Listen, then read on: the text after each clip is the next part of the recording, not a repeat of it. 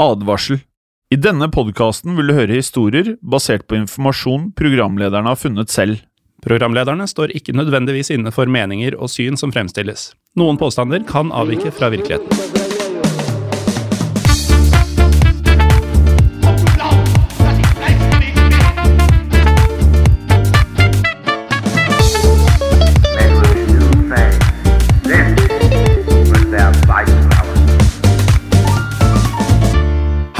Og velkommen til en eh, ny episode av Historiebånden andre verdenskrig. Mitt navn er som alltid Jim Fosheim. Og mitt er Morten Galaasen. I dag, Morten, så har vi et eh, mildt sagt eh, kjent navn på blokka. Ja, eh, eller på For de som er interessert i annen verdenskrig, da vel å merke. Ja, og egentlig for alle andre også. Jeg vet at jeg så i hvert fall filmen om vedkommende da jeg gikk på ungdomsskolen, uten Ja. at jeg da nødvendigvis hadde et brennende eh, engasjement for andre verdenskrig generelt. Men eh, historien, den eh, fikk jeg med meg. Ja, eh, og nå er laget en av tidenes beste regissører, denne filmen her. Eller for mange den beste, og kanskje mest kommersielle. Men før vi går inn i materien, Morten, så kan vi jo da nevne for folk at nå har vi passert fire Eller sa vi det forrige uke? Nei, vi nærma oss veldig, Ja, for da har vi passert 4000 medlemmer på Historie for alle. Det er da 4000 mennesker som da har gått inn på en Facebook-side og klikket på å bli medlem. Ja, Og svart på sånn kjempevanskelige spørsmål for å bli godkjent som eh, medlem. Ja, veldig vanskelige. Eh, og det setter vi veldig pris på. Det setter vi veldig pris på. Da kan jo lytterne takke og prise seg for at nå skal vi slutte å mase om at vi nærmer oss 4000.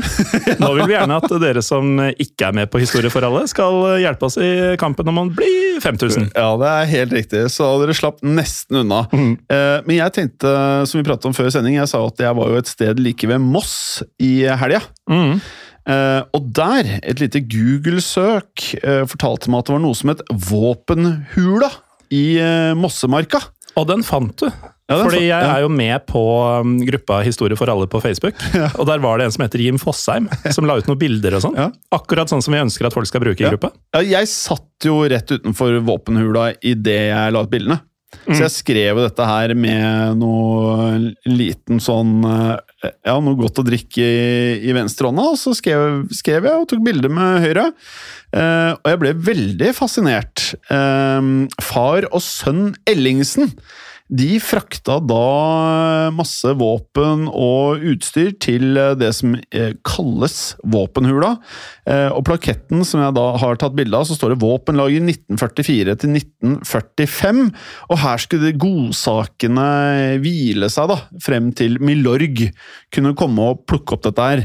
Eh, så dette her, nå, nå snakker vi om to helter. Uh, igjen, noe vi mest sannsynlig ikke hadde turt å gjøre, Morten. Kanskje, jeg vet ikke, kanskje vi hadde gjort det? jeg vet ikke. Jeg vil ikke Altså, det er jo- det er- jeg, skal ikke skryte på meg ja, Jeg skal ikke skryte på meg noe særlig heltemot, men Nei. man veit jo ikke hva som hadde skjedd i en sånn situasjon. Nei. Ja, for jeg tenker Man er jo okkupert, og det er jo sikkert ikke Man, man, man endrer kanskje litt eh, syn, og kanskje man eh, som eh, man sier at man gjør ting over evne. Mm. Det er jo ikke noe som ligger oss latent å holde på på denne måten her, men være vi hadde klart å slede opp en, en slede med våpen. Men det lå i hvert fall da bortgjemt i en liten grotte slash eh, hule i Mossemarka. Eh, Og her lå dette her da eh, godt skjult for eh, nazistene, frem til Molorg kunne komme og hente godsakene. Mm. Eh, og for de av dere som er i eh, området Moss, eller som bor i nærheten der, ta dere den turen. Det var en fin markatur. Og så kommer du frem til noe som er, har en høy historisk betydning for bitte lille Norge. Mm. Ja. Skal vi nå inn i materien? Ja, vi kan jo nå dykke inn dette her, for i dag så skal vi til en historie som eh, som sagt mange kjenner godt til. Eh, filmen som vi da nevnte, det er eh, Schindlers liste. Produsert, utgitt ja, Kanskje produsert før den tid, men utgitt i 1993. Og vi skal jo da selvfølgelig snakke om Oskar Schindler, eh, som da var en forretningsmann som da reddet livet til eh, i alle fall 1000 jødiske arbeidere, som da jobbet i en fabrikk som Oskar Schindler på dette tidspunktet eide. Ja, og dette er jo en bemerkelsesverdig historie som på mange måter er et lite lyspunkt da, fra den ellers utrolig mørke historien eh, om holocaust. Eh, Men historien om Oskar Schindler den rommer også et, eh, et stort alvor og er et drama på liv og død. Og det er kanskje nettopp derfor at filmen Schindlers liste ble en så stor suksess. Ja, og jeg skal i løpet av episoden fortelle om ett øyeblikk i den filmen som eh, faktisk eh, har gjort et så stort inntrykk på meg at eh, jeg har sett den filmen sikkert 10-15 ganger, og hver gang så blir jeg faktisk jeg får vondt inni kroppen. Og det er sikkert ikke et øyeblikk som andre tenker veldig mye over. Jeg, vi får se. Eh, la oss starte med eh, hvem vi kan jo, Det er jo veldig vanlig at vi går gjennom hvem hovedpersonen er. Så vi skal jo da se litt på hvordan han ble til denne i gåstein suksessfulle forretningsmannen. Eh, og det var jo noe han ble, eh, for han hadde jo feila litt før. Men han ble da suksessfull i denne ja, i nazistenes maskineri, da. Eh, og også hva da som skjedde for at han da skulle redde over disse tusen jødene fra ja, mulig død i gasskamrene. Ja, så vi kan eh, se på Oskar Schindlers eh, tidlige år. Han ble født i 1908 i byen Zwittau, som lå i den eh, tsjekkiske delen av keiserdømmet Østerrike-Ungarn. Dette er jo da i god tid før første verdenskrig. Um, og Zwittau det lå i et område som vi har vært innom tidligere i um, historie andre verdenskrig, nemlig Sudetenland. Som var um, altså Det er fortsatt i den tsjekkiske delen av Østerrike-Ungarn, men det var utelukkende nesten uh, befolka av tyskere. Og sånn hadde det vært i flere hundre år. Ja, det stemmer det. Og Schindler, han, eh, i likhet med mange andre nazister, eh, så oppfatter vi ikke Schindlers eh, tidlige del av livet som eh, at han var noe skolelys. Nei. Eh, han skal faktisk også ha blitt utvist som eh, 16-åring etter å ha forfalsket en karakterutskrift. ja. Eh, og det er jo en variant, selvfølgelig. Ja, det er, uh, altså, Jeg har ikke forfalska en utskrift, men jeg tror nok jeg i løpet av tenårene forfalska noen foreldresignaturer Og på et eller annet karakterkort. Det har jeg faktisk aldri gjort, men uh, godt å vite. Men i stedet så tok Schindler flere jobber han innen mange forskjellige bransjer, blant annet i farens firma, som da solgte gardsutstyr. Og han tjenestegjorde også 18 måneder i den tsjekkoslovakiske hæren. Ja, men uh, om det var noe for han, det kan jo diskuteres. For uh, Schindler han var ikke en mann med noe særlig selvdisiplin. Uh, snarere tvert imot. Som uh, 20-åring så gifta han seg faktisk med Emilie Peltzel. Men han var notorisk utro, og fikk ikke ett, men to barn med en elskerinne. Og Dessuten så var Schindler altfor glad i alkohol, og han ble arrestert flere ganger for uh, offentlig fyll, eller for å være offentlig beruset, som det sikkert sto i sakspapirene. Og disse drikkeproblemene de gjorde at han fikk mye gjeld og trengte penger. Så allerede her skjønner man at det er jo en fyr eh, Ikke bare var han ikke god på skolen, men han levde livet, altså. Ja, han var Ja. en såkalt levemann, virker det som. Ja, han levde. Eh, uansett så skal dette her at han hadde drikkeproblemer, og at han til stadighet trengte penger, uh, også ha vært grunnen til at han i da 1935 ble en hemmelig agent for Abwehr, uh, som da er det nazityske militærets etterretningstjeneste. For Nazi-Tyskland de planla nemlig en invasjon av nettopp Tsjekkoslovakia, og med det så trengte de opplysninger om landets militære styrker, forsvarsverk så vel som jernbanelinjene deres. Noe Oskar Schindler eh, ga tyskerne, eh, og han rekrutterte til og med andre spioner. Så her eh, er det fair å si at vi har på dette tidspunktet å gjøre med en forræder. På en måte, for mm. det som skulle skje noen år seinere, i 1938, det var at Schindler ble arrestert av det tsjekkiske politiet, mistenkt for nettopp å være spion. Eh, heldigvis for Schindler så ble han løslatt etter fire måneder, så han slapp å bli dømt for forræderi, i hvert fall. Eh, og Grunnen til det var at eh, det var da Sudetenland ble overført til Nazi-Tyskland som følge av München-avtalen, inngått mellom da Adolf Hitler og vestmaktene. Og kort tid etter så meldte Oskar Schindler seg inn i nazipartiet, og ble da ansatt som etterretningsoffiser i Abwehr. Og med kona Emilie som sin assistent, var Schindler delaktig i å forberede invasjonen av Polen, som da skjedde 1.9.1939. Eh, vi vet jo nå i ettertid at dette er jo da også tidspunktet hvor eh, starten på andre verdenskrig er ansett å være. Ja, og kun én måned ut i krigen så ble Schindler eh, overført av Abwehr til den polske byen Krakow, og her møtte Schindler eh, to jødiske menn som skulle spille viktige roller i resten av hans liv. Den ene var Leopold Pfefferberg, ofte bare kalt Poldek. Schindler kom i kontakt med Poldek ved at Poldeks mor var blitt hyret inn som interiørarkitekt i Schindlers nye leilighet. Og Schindler han var, eh, han var opptatt han, av å ha det staselig rundt seg og leve, mm, leve i luksus. Og da han skjønte at eh, Poldek hadde gode kontakter på det svarte markedet i Krakow, da tok Schindler Poldek under sine vinger. Og på rundt samme tid så møtte Oskar Schindler også Ishtak Stern. Og Stern han var eh, en jødisk revisor som hadde mistet bedriften sin da nazistene invaderte Polen. Og Nazistene hadde nemlig nå en praksis som de kalte for arianisering, som rett og slett innebar at jødiske firmaer og også butikker ble tatt over av folk som da var av i gåstein ariske, eh, det vil da si eh, tyskere. Ja, og Schindler vurderte på denne tiden å ta over en fabrikk i Krakow som skulle arianiseres, og han ba Stern om finansielle råd. Den aktuelle fabrikken den produserte emalje, som er et eh, hardt og tynt eh, glassmateriale som ble brukt som dekor og beskyttende belegg på metallgjenstander.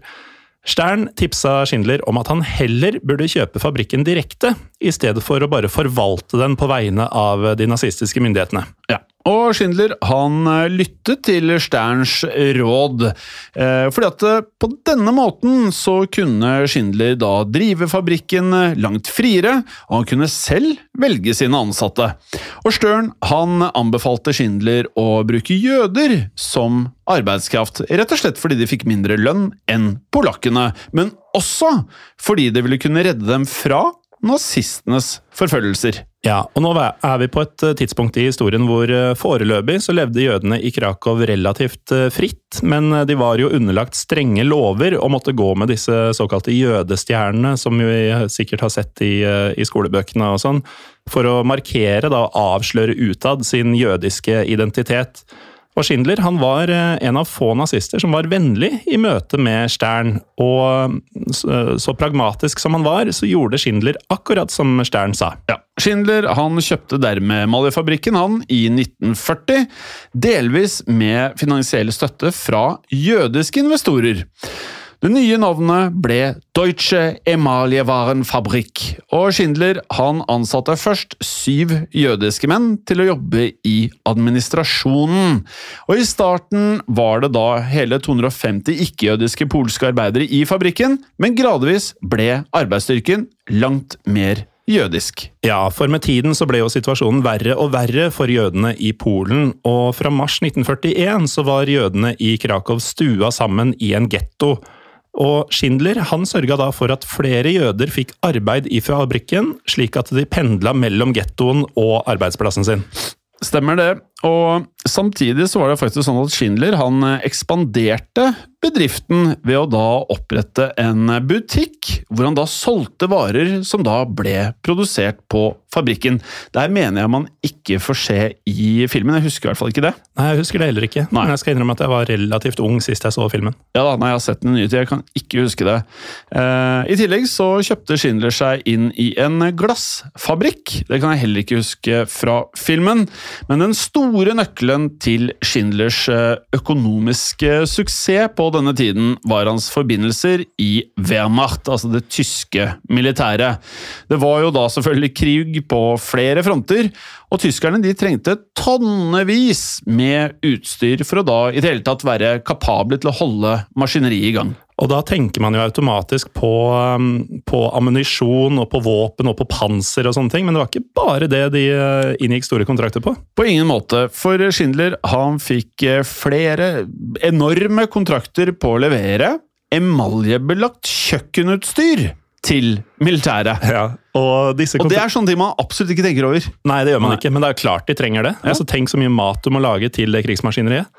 Um, og disse kontraktene var jo helt avgjørende for Schindler, for jo viktigere Schindlers fabrikk ble for militæret, desto enklere var det jo for han å beskytte de jødiske arbeiderne sine. Ja, kontraktene ga nemlig Schindler enorme inntekter, som han da i starten brukte på fine middager, dyre viner og generelt, som vi da får frem i filmen, enorm luksus. Altså, eh, Vi skal ikke langt tilbake i episoden, bare for å huske på at han var jo en gladgutt, selv om han var gift, dette her.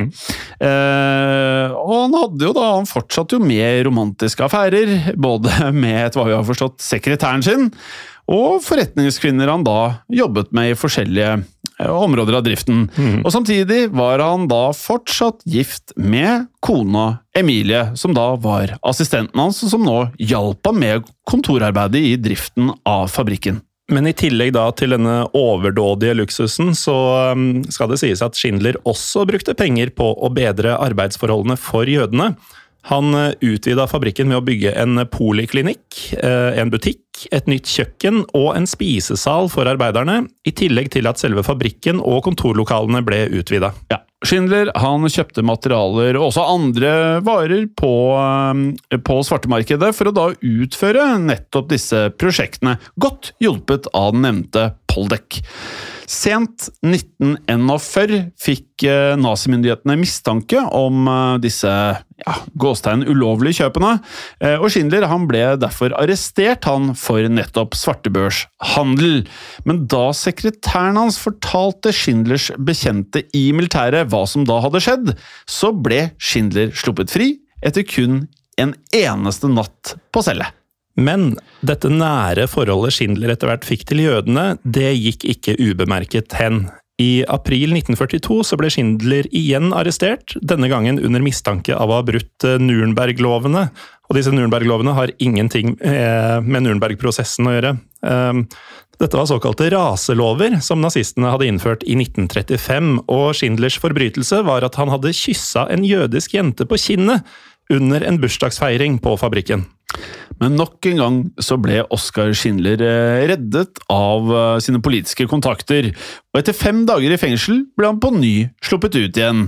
Men til tross for at Schindler var i søkelyset til nazistene, så var arbeidsstyrken hans av jøder ganske trygge.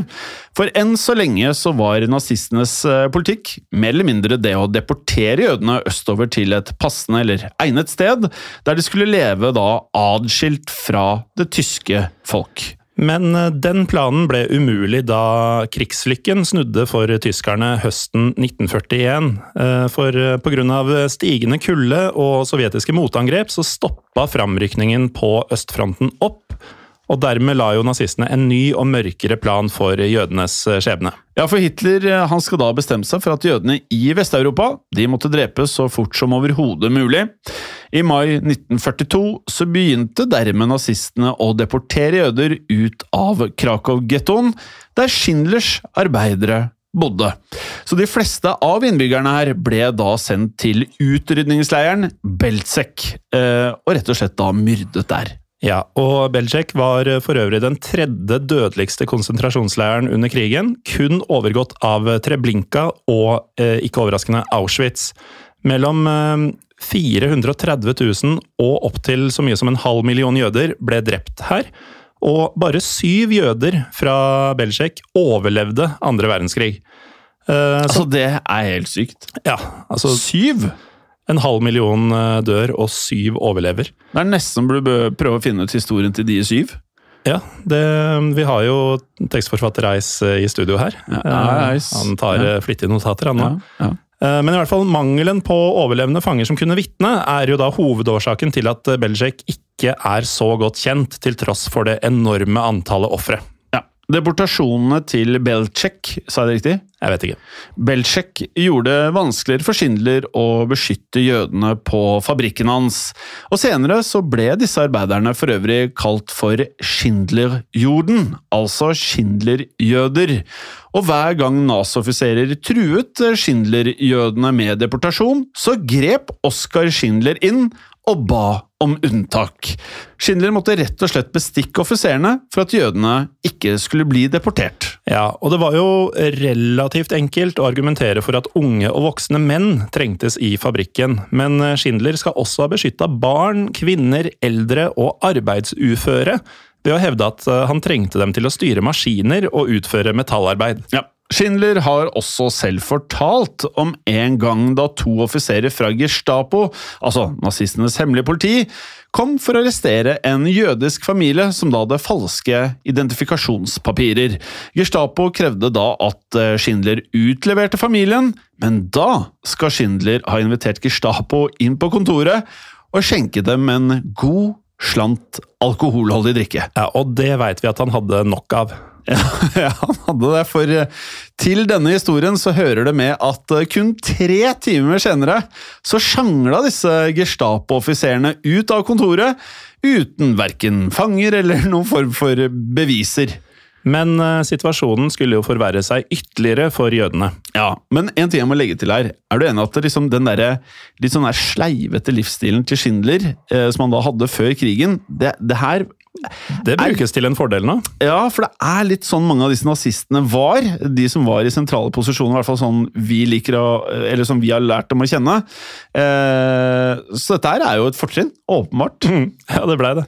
Eh, Men for jødene som sagt, så ble det bare verre nå, og den 13. mars 1943 så ble gettoen i Krakow stengt ned for godt. Ca. 2000 jøder ble da merka som arbeidsføre, mens 2000 andre som ikke kunne jobbe, de ble rett og slett skutt og drept på åpen gate. Og de siste 3000 som var igjen i gettoen, de ble jo da deportert til Auschwitz. Oskar Schindler han hadde på forhånd hørt om eh, nedstengningen av Krakow-gettoen gjennom kontakter i Wehrmacht. Og Derfor så ba han arbeiderne sine sove over i fabrikken kvelden før, slik at de da skulle unngå deportasjon. Men Schindler selv han dro inn til byen og ble vitne til dette er vanvittige drapet på jødene som var i gettoen. Eh, og en av disse Schindler-jødene, Sol Urbach, mener dette ble et eh, vendepunkt for Oskar Schindler. Ja, for Schindler skal, og det er jo veldig forståelig, han skal ha blitt forferdet av det han så. Eh, Og ifølge Orbach så skal Schindler denne dagen virkelig ha skjønt alvoret i nazistenes eh, politikk. For eh, lenge så hadde Schindlers motivasjon først og fremst vært å tjene penger, men han bestemte seg nå for å prøve å redde så mange jøder som han kunne. Er det da fair å kunne si at eh, Schindler gradvis går fra å være en eh, opportunist og kanskje også krigsprofitør til å bli en redningsmann for jødene? Mm. Eh, Dette er også da utviklingen som da skildres også i filmen. Ja, og noe annet som er skildra i filmen, altså i Schindlers liste, er arbeidsleiren Pevasjov. Eh, Hit fraktet nazistene de nevnte 2000 arbeidsdyktige jødene fra Krakow-gettoen. Og Pevasjov-leiren den ble ledet av SS-offiseren Amon Gutt. Og mange husker nok uh, Ralph Fine i, eh, i rollen som Gutt i filmen. Og etter pausen så skal vi fortelle om det spesielle samspillet mellom eh, Oskar Schindler og Amon Gutt. Jeg har alltid sagt Ralph Fiennes. Ja, jeg har hørt så mange varianter av det. Du sa Ralph Fine. Mm. Ja. Mer om dette etter pausen. Velkommen tilbake til eh, episoden om Oskar Schindler. Før pausen hørte vi at Schindler drev en emaljefabrikk nær Krakow, hvor han ansatte flere hundre jødiske arbeidere. Men da nazistene oppretta en ny arbeidsleir i den nærliggende byen Powasjov, da havnet Schindlers jøder i fare for å bli overført dit. Ja, og leirens kommandant var SS-offiseren Amon Gutt, og han skildres i filmen som verst tenkelig. Ja. Eh, og Gutt var Schindlers rake motsetning, og er omtalt som en sadist og en intens jødehater. Og Gutt hadde mer eller mindre totalitær makt i denne nylig åpnede leiren. I sin åpningstale som kommandant skal Gutt ha sagt noe helt spesielt til sine fanger. Først på tysk. Ich bin ihr Gott, som da betyr 'jeg er deres Gud'. Og det Altså, du vil ikke ha en sadistisk jødehater som uh, guden din i eh, de neste årene. Nei. Og det er jo åpenbart at her er det jo en eh, klin gæren fyr som har all makt og kan gjøre akkurat det han vil med folk. Eh, og Plasjov-leiren den huset omkring 2000 innsatte da den åpnet. Antallet vokste i løpet av kun noen måneder, helt til 25 000 fanger pluss en rundt 650 vakter.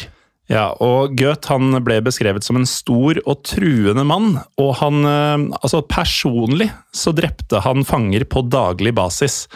Eh, han skal ha skutt folk fra vinduet på kontoret sitt hvis de så ut til å bevege seg for sakte. Og ved ett tilfelle så skjøt Gutt en jødisk kokk fordi suppa var for varm. Mm.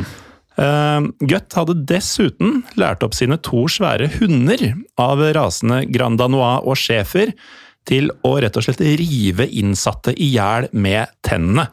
Uh, dette var for øvrig to hunder som het Rolf og Ralf. Åh, oh, Rolf og Ralf. Det her, altså, man, det, det her er jo portrettert i uh i filmen. Altså, han fyren her er jo helt kokos. Ja, øh, åpenbart. Ja. Uh, og i løpet av sin tid i Plasjov så bodde Gutt meget komfortabelt i en villa. Uh, og han eide også biler, han eide hester, som han da red på i leiren. Uh, og han fikk også en jødisk skomaker i leiren til å lage nye sko til ham. Ikke sånn en gang i året, hver uke! Mm. Han fikk nye sko hver uke, eh, og Gutt skal også ha mishandlet eh, sine to tjenestepiker, Helen Jonas Rosenberg og Helen Hirsch, eh, som da, vil jeg tro, levde i mer eller mindre konstant dødsfrykt. Ja, det må man jo tro. Ehm, Gutt ville etter hvert også da at denne emaljefabrikken til Schindler skulle flyttes inn i Pvarsov-leiren, slik at de jødiske arbeiderne ville bli nødt til å bo i leiren. Og det ville jo da Schindler unngå for enhver pris.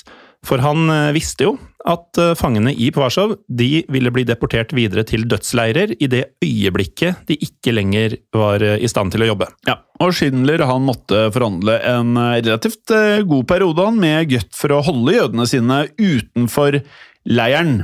Men ved hjelp av god diplomati og smiger, og selvfølgelig en stor porsjon bestikkelser, så klarte Schindler å overbevise Gøtt til slutt om en avtale som lyder noe sånt som dette. Avtalen den innebar at Schindler brukte egne midler på å bygge en ny leir i tilknytning til fabrikken sin, og der skulle hans nesten 1000 jødiske arbeidere få bo. Schindlers ansatte de skulle få mat og skikkelige boforhold, og de fikk til og med lov til å ha religiøse seremonier. Og ikke nok med det, for ehm, Schindler klarte i tillegg å få ytterligere 450 jøder fra andre arbeidsleirer overført til eh, fabrikken.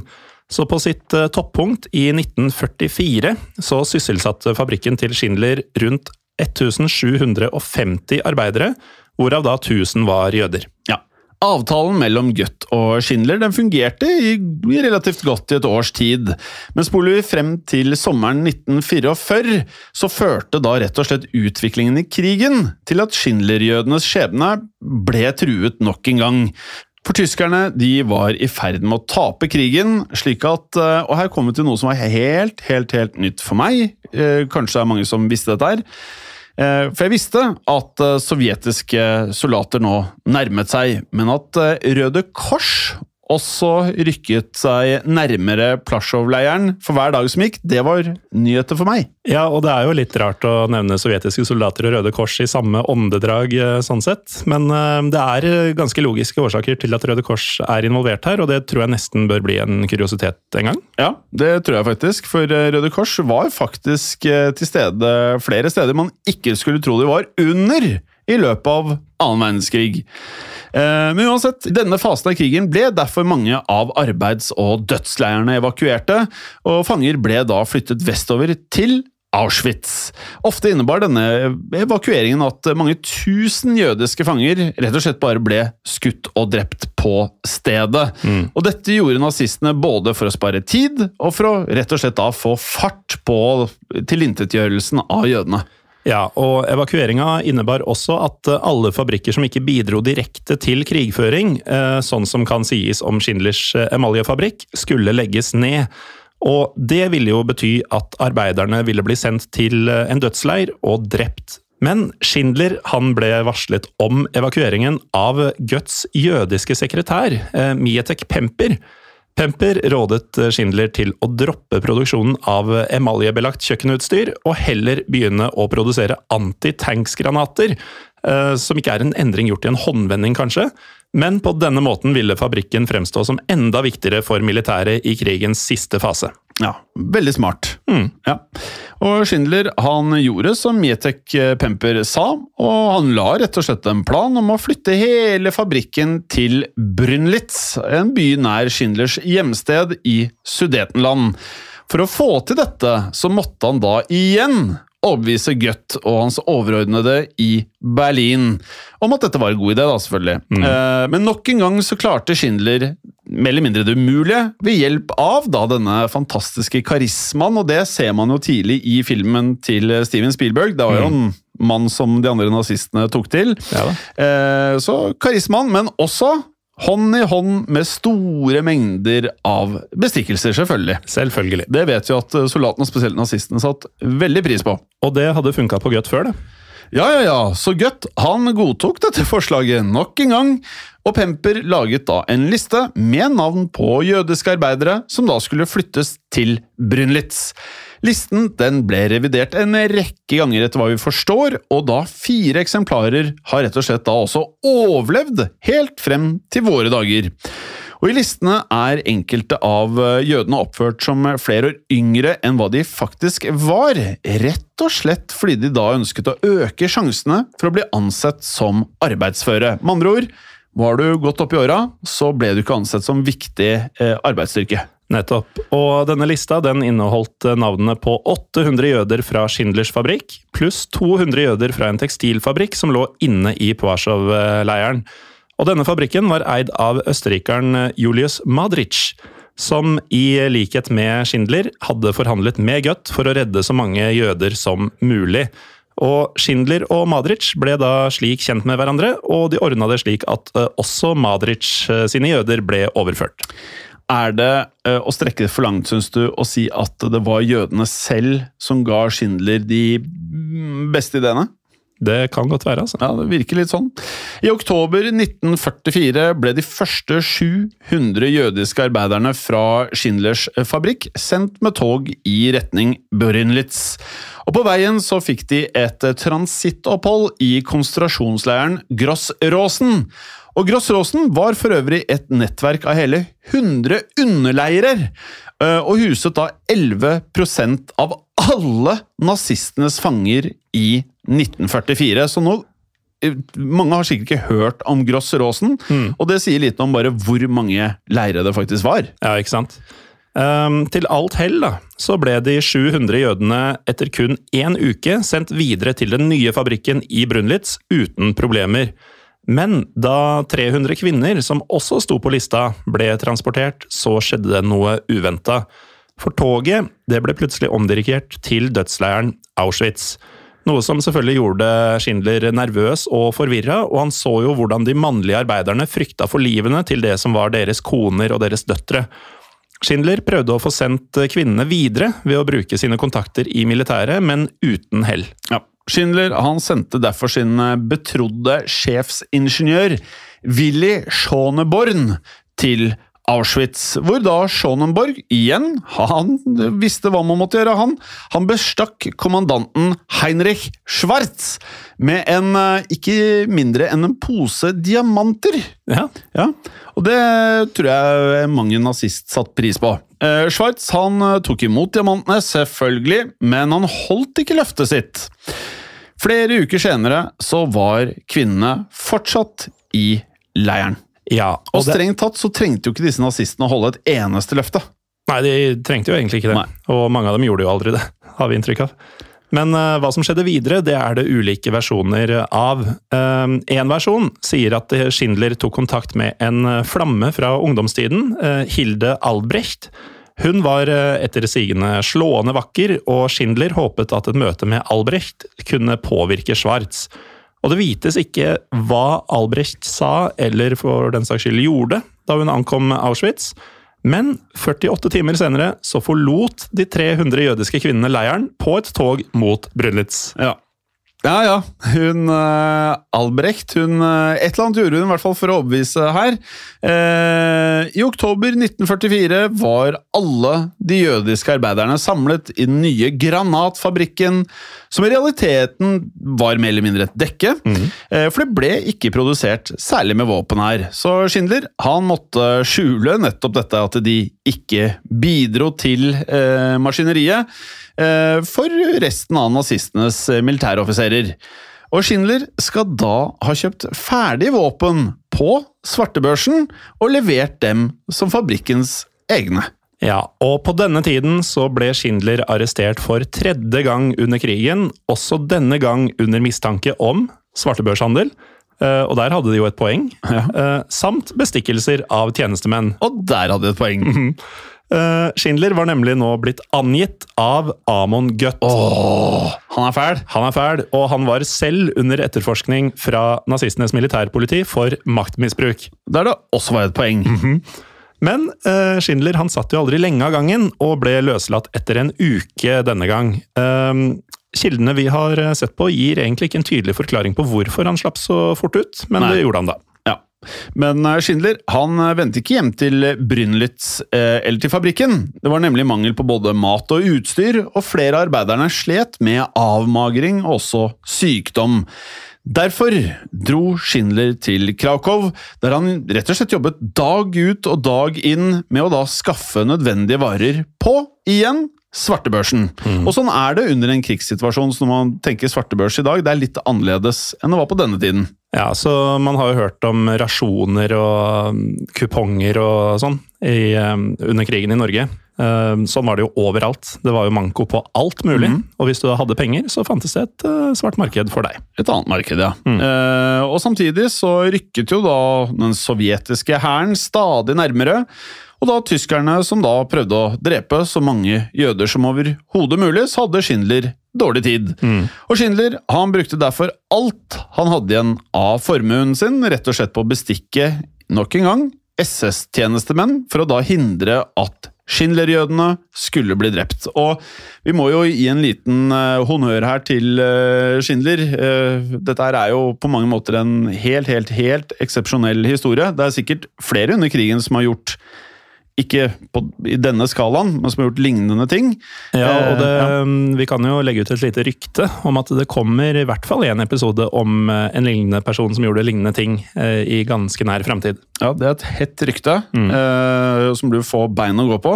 For vi vet at det ikke bare er et rykte, men at det faktisk skal komme. Ja. Eh, men det vi kan si, er at eh, her gikk han da, som vi nevnte tidligere, fra å gjøre alt for å bli steinrik og for å leve livet, til nå å ofre alt uh, i rett og slett godhet. Ja, rett og slett. Og um, samtidig så var da kona Emilie i Brunlitz og tok vare på arbeiderne. I um, januar 1945 så ankom en toglast med 100 jøder som ikke lenger var arbeidsdyktige, fra en gruve i Goleschau, uh, som var en by i det okkuperte Polen. Disse vognene de var frosset igjen da de ankom, så Emilie måtte få en ingeniør fra fabrikken til å åpne dørene ved å varme dem opp med en loddebolt. Og I disse vognene så fant da Emilie tolv døde mennesker. Og resten av fangene de var da for syke og for svake til å jobbe.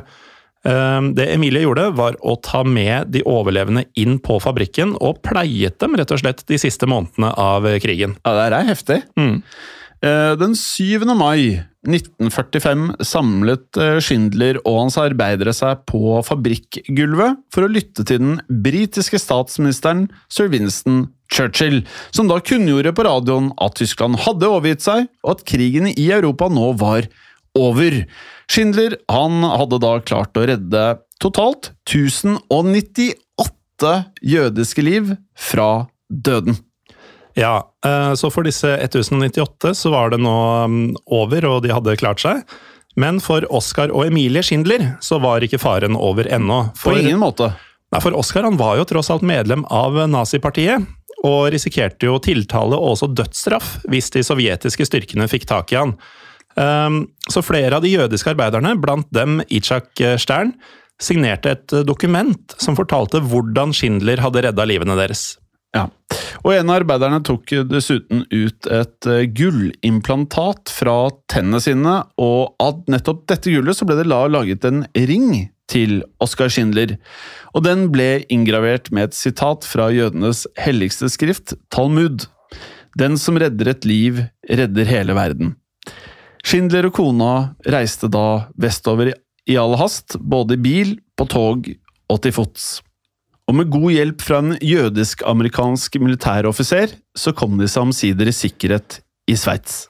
Men eh, Schindler han var jo fullstendig blakk etter eh, krigen. Eh, Han anslo selv å ha brukt ca. 2,46 millioner tyske riksmark på å sikre jødenes overlevelse, og vi har prøvd å beregne hvor mye penger det er i dag, men det er vanskelig. Delvis pga. inflasjon i løpet av krigen. Men en utregning vi har funnet, gir oss tallet 164 millioner norske kroner, målt da i dagens verdi. Eh, Det er da en sum som inkluderte bygging av fabrikken, svartebørsvarer og bestikkelser, samt medisiner og mat til arbeiderne. Og mannen som da hadde mottatt eh, mange av bestikkelsene, altså Amon Gutt, eh, var som vi husker under etterforskning for maktmisbruk under krigen. Og av eh, tyskernes økende problemer i krigen, så ble rett og slett anklagene lagt vekk. Men legene i SS de mente at Gutt rett og slett var psykisk ustabil, så de la han inn på en mentalinstitusjon i Bayern. Og her ble Gutt arrestert av amerikanske styrker i noen av krigens aller siste dager. Og som veldig mange andre nazister, så prøvde Gutt å skjule sin SS-bakgrunn ved å si at han var en vanlig soldat, men han ble jo da selvfølgelig uh, identifisert av eh, fanger fra Pwaszow-leiren. Så høsten 1946 så ble Gutt eh, stilt for retten i Polen, sikta da for krigsforbrytelser, hvor han da ble dømt til døden for å personlig ha drept, lemlestet og torturert et betydelig, men ukjent antall mennesker. Kort tid etter så ble Gutt eh, hengt i et fengsel i Krakow, ikke langt unna Pwaszow-leiren. Det er bare ekstra provoserende hvordan eh, noen av de verste av disse her eh, prøver å vri seg unna. Mm. Ja, at noen av dem fikk det til. Ja, det er mange Det kommer mange episoder om det òg. Mm. uansett, etter krigen så flyttet Oskar Schindler eh, mye rundt han i Vest-Tyskland for å rett og slett sette i gang nye forretninger, men han hadde aldri noe særlig hell. Og i 1949 så emigrerte Schindler-paret til Argentina, i likhet med veldig mange andre, Mm. uh, hvor de da prøvde å drive kyllingoppdrett. Eh, og denne bedriften den gikk eh, konkurs den etter ni år, eh, og paret flyttet omsider tilbake til Tyskland. Hele tiden så holdt Schindler kontakten med flere av sine tidligere arbeidere, som Stern, Poldek og Pemper, og de støttet Schindler økonomisk resten av hans liv. Og i 1962 så ble Schindler offisielt hedret av staten Israel på Yad Vashem, som er det største minnestedet for holocaust. Her ble det planta et eh, eviggrønt johannesbrødtre til Schindlers ære. Og både Oscar og Emilie Schindler ble tildelt hedersutmerkelsen Rettskaffen blant nasjonene. En eh, pris som ble delt ut til ikke-jødiske personer som satte sine liv og sin frihet på spill for å redde jøder under holocaust. Ja, og dette var en enorm anerkjennelse, men hjemme i Tyskland så gikk det dårlig for Schindler, for han investerte i en sementfabrikk som også endte i konkurs. Og alle nedturene de gikk eh, hardt innpå ham. Slik at i 1963 fikk Schindler et hjerteinfarkt, og han lå en måned på sykehus. Vi har ikke funnet så mange opplysninger om Schindlers eh, videre liv, men vi vet at han døde elleve år senere. 9. oktober 1974. Eh, Schindler han ble gravlagt i Jerusalem, han, på Sionfjellet. Og han er det eneste medlemmet av nazipartiet som er blitt hedret på nettopp denne måten. Og historien om Schindlers innsats under krigen den var faktisk lenge kun kjent blant eh, holocaust-historikere. Men i 1980 så gikk en australsk forfatter inn i en koffertbutikk i Beverly Hills. Eh, Det høres jo nesten ut som starten på en vits, men eh, det er det absolutt ikke. Eh, For det som møtte mm, australieren der, var en innehaver som var ingen ringere enn den nevnte Schindlerjøden Poldek, Ja. som hadde emigrert til USA etter krigen. Og Poldek fortalte denne forfatteren, som het Thomas Keneally, flere historier fra fortiden sin på Schindlers fabrikk. Og um, Poldek ga så en bunke med dokumenter til Keneally, som det neste året da intervjuet flere Schindler-jøder og skrev romanen Schindlers ark. Og dette var da historien om Schindler, men fortalt med noen oppdikta elementer. Mm. Romanen den ble en suksess, den, og Pollock begynte umiddelbart å overtale den kjente jødiske regissøren Steven Spielberg om å lage en film.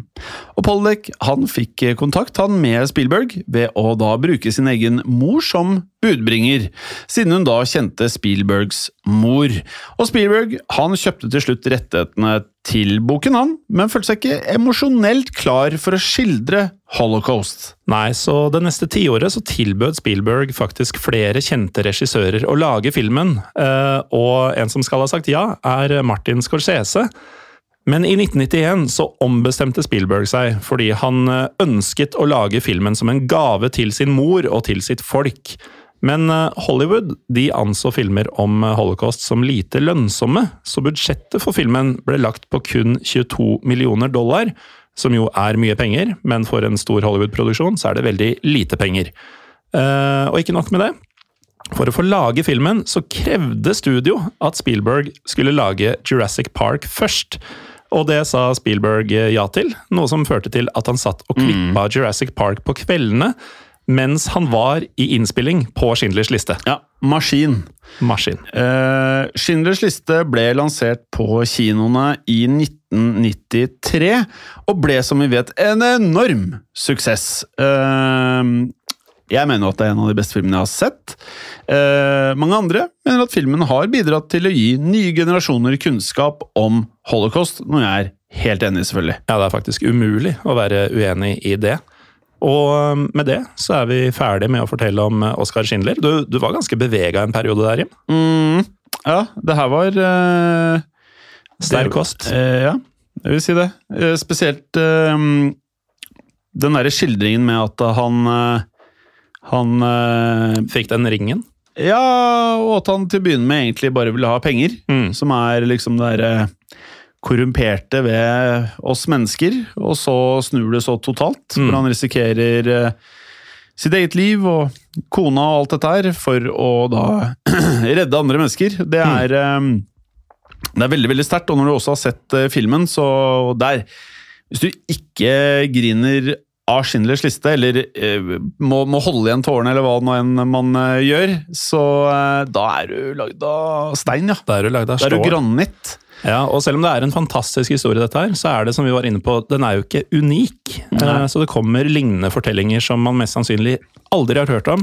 eh, I hvert fall én gang i ganske nær eh, framtid. Ja, og jeg nevnte at det er én ting i filmen som virkelig har sunket seg inn hos meg, som er Jeg syns nesten er ekkelt å se. Det er når Nå er det en liten stund siden jeg har sett den. Jeg tror det er moren til en av hovedrolleinnehaverne, eh, som da skal vel gå i gettoen til et sånn suppekjøkken, og så Mm. får de en sånn bitte, bitte, bitte liten kopp med noe suppe eller lapskauslignende sak. Og så blir hun dulta borti, og så mister hun denne koppen eh, på sånn god gammel drabantfortau, sånn brosteinaktig greie. Mm. Og så før hun Og hun, hun kommer jo fra åpenbart et rikt hjem, de var bemidlet, og ikke vant til dette i det hele tatt, og dette var en litt sjokk for henne. Og så før hun rekker å snu seg eller å forstå hva som skjer, så ligger det en fyr og bare slikker opp maten Mm. langs brostenen. Og det øyeblikket det bare følte jeg er noe av det sterkeste jeg har sett på film. I det at du kan liksom skildre hvordan menneskene bare ikke lenger Ja. er mennesker, og at vi går til liksom virkelig primal oppførsel. da. Ja, veldig godt bilde på desperasjonen som eh, jødene følte under, eh, under den tiden. Mm. Eh, Med det så må vi også nevne at vi har en Facebook-side og en eh, Instagram-konto, som begge heter Historiepodden Norge. Mm. Og at dette her har skjedd. Og det kan skje igjen. Ha bra. Ha det. I produksjonen av Historiepodden så ønsker vi å takke Håkon Bråten for lyd og musikk. Takk til Felix Hernes for produksjon. Takk til Ellen Froktenestad for tekst og manus. Og takk til deg, Morten Galesen, for programlederrolle. Og takk til deg, Jim Fosheim, for programlederrolle. Moderne media. Kiwi er billigst i VGs matbørs og har vært billigst i fire av de fem siste VGs matbørser. Og nå presser vi prisene på frukt og grønnsaker. På 200 gram broccolini setter vi prisen til 24,90. På 400 gram Cevita blåbær setter vi prisen til 49,90. Og husk, alle Kiwi Pluss-kunder får i tillegg 15% trumfbonus på all fersk frukt og grønt. For det er vi som er prispresserne. Og vi i Kiwi gir oss aldri på pris.